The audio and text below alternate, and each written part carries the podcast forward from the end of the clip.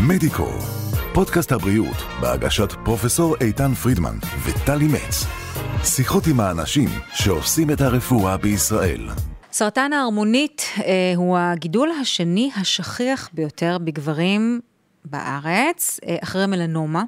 אה, אנחנו רוצים לענות על כמה שאלות אה, מהותיות בעניין הזה, כמו למשל איך מאבחנים את המחלה, מתי צריך לגשת לטיפול, מתי בכלל מבינים שיש בעיה. אילו אמצעי טיפול קיימים כיום אה, בשוק? מה מסגרת השיקולים של הרופאים בהחלטה על אה, גישה טיפולית, נקיטת גישה טיפולית כזו או אחרת? וכדי לענות על השאלות שאנחנו מציפים כאן, הזמנו את דוקטור דניאל קייזמן, מנהל היחידה לאורו-אונקולוגיה במערך האונקולוגי בבית החולים איכילוב, שתנסה לעשות לנו ככה קצת סדר בבלגן. דוקטור קייזמן, שלום וברוך הבא אלינו. שלום, נעים מאוד. נעים גם לי. אז בואו קודם כל אמ, ננסה ככה להבין את המסגרת הכללית יותר. אנחנו מדברים על הסרטן השני, הגידול השני השכיח ביותר אצל גברים מן הסתם, אז באמת תן לנו קצת אה, אינדיקציות. מהי השכיחות של סרטן ההרמונית ומי בעצם נמצא בקבוצת הסיכון לחלות. אז למעשה גידול ההרמונית הוא הסרטן השכיח ביותר בקרב גברים mm. אה, בעולם המערבי. פרט לגידולי עור שאינם מלנומה, שהם גידולים יחסית אה, שפירים, בוא נגיד ככה. אוקיי. Okay. בישראל מאובחנים בין 1 ל-9 עד 1 ל-6 גברים וואו. עם סרטן ההרמונית, סדר גודל של 2,700 מקרים בשנה, אז בהחלט גידול שכיח. זה מטורף, זה נתון מטורף. והשכיחות היא משתנה קצת, אנחנו מדברים על גורמי סיכון כמו אה, גיל, המחלה מופיעה יותר בשנות ה-60, 70, 80. Mm-hmm. אנשים שיש להם קרוב משפחה מדרגה ראשונה, או יותר מאחד שחלו עם הגידול, הסיכון שלהם עולה ביחס לאוכלוסייה הכללית. אה, אנחנו מדברים על אה, תסמונות גנטיות, נשאות גנטית, שהיא לא שכיחה, אבל גם היא מעלה את הסיכון לגידולי הרמונית, ומדברים גם על אורח חיים כמו פעילות גופנית, עודף משקל וכיוצא בזה, שעלולים להגביר את הסיכון לסרטן ההרמונית. ציינת באמת את האלמנט הגנטי. גנטי, עד כמה הוא ממשי בתחום? אה, אז זו שאלה שלא ניתן לענות עליה ב-2022 אה, באופן ודאי, משום שיש עדיין גנים שכנראה לא זיהינו, mm. שנזהה בהמשך. Mm.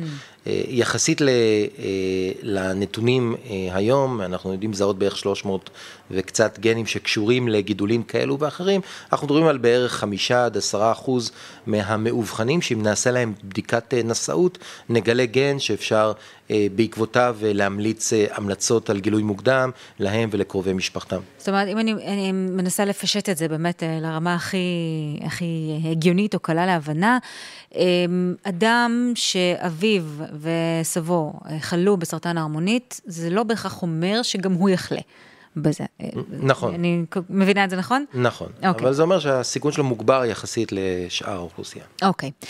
עד כמה זה סוג סרטן שהוא נחשב לאלים, או נשאל אחרת, מה סיכוי ההחלמה מסרטן כזה?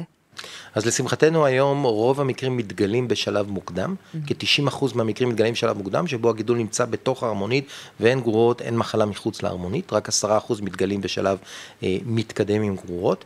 מבין המטופלים שמאובחנים גילוי מוקדם, אה, לא תמיד אגב אנחנו ממליצים על טיפול, לעיתים הגידול בעל מאפייני סיכון נמוכים ואנחנו ממליצים על מעקב, אבל מבין אלו שנמליץ על טיפול בגידול, בגידול מוקדם, אה, רובם מכריע יחלים מהמחלה, או בוא נגיד לפחות אה, נוכל במרכאות להרגיע את העסק לפרקי זמן של שנים. אוקיי, okay. אז בואו באמת נדבר על ההבחנה. אתה אומר שברוב המקרים, או בחלק ניכר מהמקרים, באמת אפשר לאבחן את זה מוקדם, ולכן גם לטפל בצורה נאותה מוקדם יותר.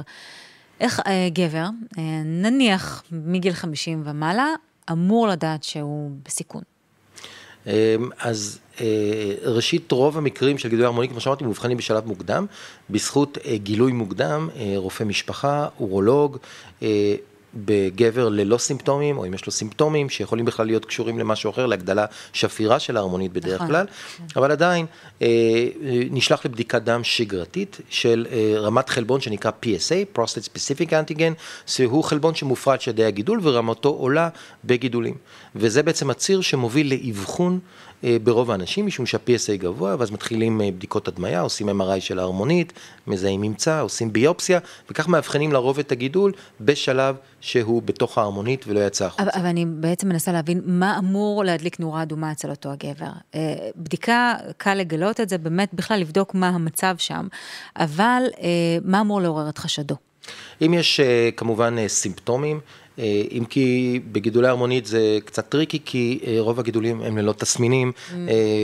בשלב ניכר של תחילת המחלה. במידה ויש סיפור משפחתי בקרובים דרגה ראשונה, אז אנחנו ממליצים, אין המלצה גורפת, אבל זו הנטייה של חלקנו שעוסקים בתחום, להמליץ ללכת להתייעץ עם אורולוג ולשקול כן לבצע בדיקת גילוי מוקדם לסרטן ההרמונית. אני אגיד, אה, אני יודעת שגידול של ההרמונית מלווה לעיתים בקושי במתן שתן, או, או בעיות בתפקוד המיני, או דברים מהסוג הזה. אלו, אלו הסימפטומים שבין היתר עליהם אתה מדבר, שאמורים אה, לשלוח נכון, את האדם לבדיקה? נכון, אלו סימפטומים, אם כי צריך לזכור ש...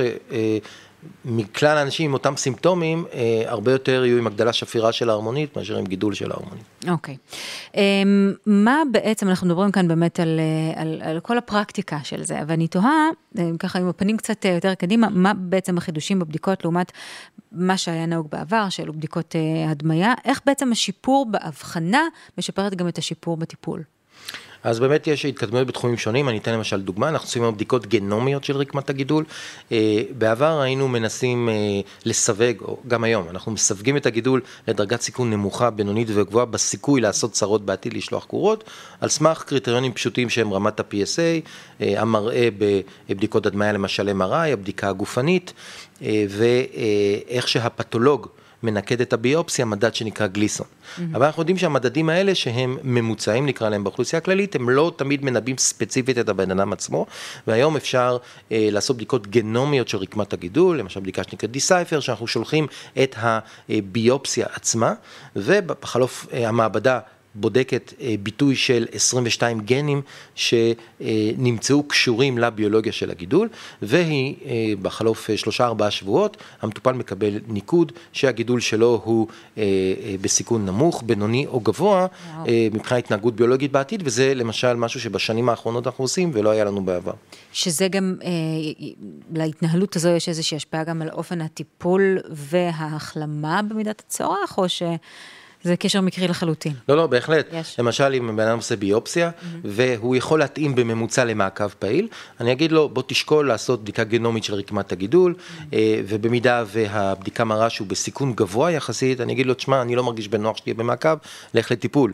אה, למשל, יש מטופלים שאנחנו רוצים לטפל בהם, אה, כלומר, ההמלצה הגורפת, בגלל מאפייני הגידול, זה לטפל בהם בקרינה עם טיפול הורמונלי, אבל אם אנחנו מקבלים בדיקה גנומית, שמראה, כמו דיסייפר, שמראה אה, סיכון נמוך יחסית, אני יכול להגיד לו הרבה פעמים, אתה לא צריך טיפול הורמונלי, מספיק קרינה בלבד, ובכך להפחית את תופעות הלוואי. כמה זה גם אה, יעיל ונוח עבורך, אה, כרופא, כמטפל, נכון. אה, לתת למטופל שלך את הכלי הזה. נכון. אה, למנוע ממנו מה שלא חייב. נכון. מה שהוא לא אה, חייב. אוקיי, יש, יש, אני מתארת לעצמי, לא, מקרים כאלו ואחרים, שבהם לא מומלץ להסתפק באבחון ודיאגנוסטיקה של בית חולים. מתאר, לא, לא יודעת, אולי יש כאלה, אתה יודע, יוצאים דופן או כאלה שבאמת צריך לשים עליהם יותר תשומת לב. אה, באופן כללי, אני תמיד ממליץ למטופלים שלנו, גם אה, למרות שאנחנו ביחידה עם נפח מאוד גבוה והרבה ניסיון, אה, את יודעת, על חוות דעת שנייה, אם זה חוות דעת פתולוגית, שלפעמים מדד הגליסון, מה שהפתולוג נוקד, mm-hmm. מנקד, אם זה קצת יותר גבוה, קצת יותר נמוך, יכול לשנות באופן מכריע את הגישה הטיפולית. את יודעת, לשמוע עוד דעה לגבי הגישות הטיפוליות, זה תמיד נכון. כן, זה בלי, בלי קשר לנושא המדובר, נכון. זה, זה חשוב. בעצם לבדיקה אה, פתולוגית, יש איזה שהן מגבלות מבחינת הערכת המסוכנות של הגידולים בהרמונית? אז כמו שאמרתי, הפקטורים, הפקטורים הממוצעים שאנחנו מתייחסים באוכלוסייה הכללית, והם בהנחיות, שזה ה-PSA, הפתולוג, אה, איך שהוא מנקד את הגידול, ומה אה, שיש לנו בבדיקות ההדמיה והבדיקה הגופנית, הם מאוד מאוד משתנים. למעשה, יש מחקרים שמראים שאותו פתולוג, כשהוא אה, יראה את אותה בדיקה והוא לא יודע שזאת אותה בדיקה, לפעמים יינקט בניקוד שונה. בוודאי שפתולוגים שונים. אה, ולכן אין ספק ש... אין פה חד אה, משמעיות? אין פה חד משמעיות. אין ספק שככל שהפתולוג מנוסה יותר, נמצא במרכז גדול יותר, שרואה נפח גדול יותר, אז כמובן שהסיכוי לטעות הוא נמוך יותר. אין ספק שהיום משתמשים בהרבה אמצעים דיגיטליים, אבל בהחלט זה משהו שקיים. אמ, אתה לא מעט שנים בתחום, עוסק, רואה, שומע, מטפל. אתה חושב שיש איזשהו שיפור משמעותי יותר ברמת המודעות למחלה?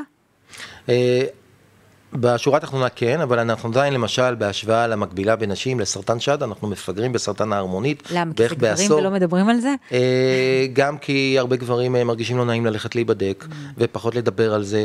אה, יש בשנים האחרונות פעילות מאוד מבורכת של עמותת חיים עם סרטן ההרמונית, שמנסה להגביר את המודעות, ואנחנו עושים ימי עיון וכנסים, ומנסים לעודד אנשים לא להתבייש וכן להיבדק, אבל בהחלט יש הרבה מאוד מה לעשות בתחום כדי להעלות את המודעות. חייבים לעשות בתחום, ובאמת, זה הזמן לפרוץ את התקרה הזו, וגברים, אין במה להתבייש, זה, זה קורה, זה שכיח. ולהפך, זה גם יכול לעזור לכם בהחלמה, כי ככל שתאבחנו מוקדם יותר, כך יהיה אה, לכם יותר טוב. אמ, אני רוצה ככה ש- שאלת אה, כזאת, אה, ספציפית אצלך, באיכילוב, במקום שבו אתה עובד. מה היית רוצה לראות יותר במחלקה? מה היה עוזר לך כדי להיות, בעצם לתת שירות טוב יותר למטופלים שלך? תראי, אני חושב שהיום בישראל בכלל, גם באיכילוב, אבל אה, בישראל בכלל אנחנו נותנים אה, רפואה שהיא בהחלט מתקדמת בחזית העולמית. יצא לי להיות כמה שנים בארצות הברית בהשתלמות, ואני לא חושב שאנחנו נופלים אה, מהחבר האמריקאים לצורך העניין. אנחנו הולכים ומשתפרים גם ביכולת האבחון, ביכולת הטיפול.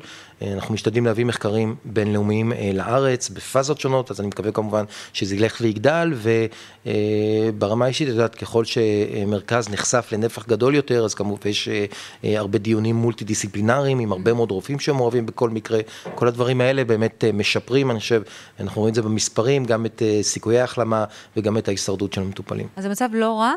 אבל תמיד יש לאן לשאוף. נכון. סיכום נהדר בעיניי. דוקטור דניאל קייזמן, רק בריאות, תודה רבה שבאת. תודה רבה. תודה רבה. מדיקו, פודקאסט הבריאות של ישראל. בהגשת פרופסור איתן פרידמן וטלי מצ. עקבו אחרינו בספוטיפיי, אבל פודקאסט, גוגל ויוטיוב.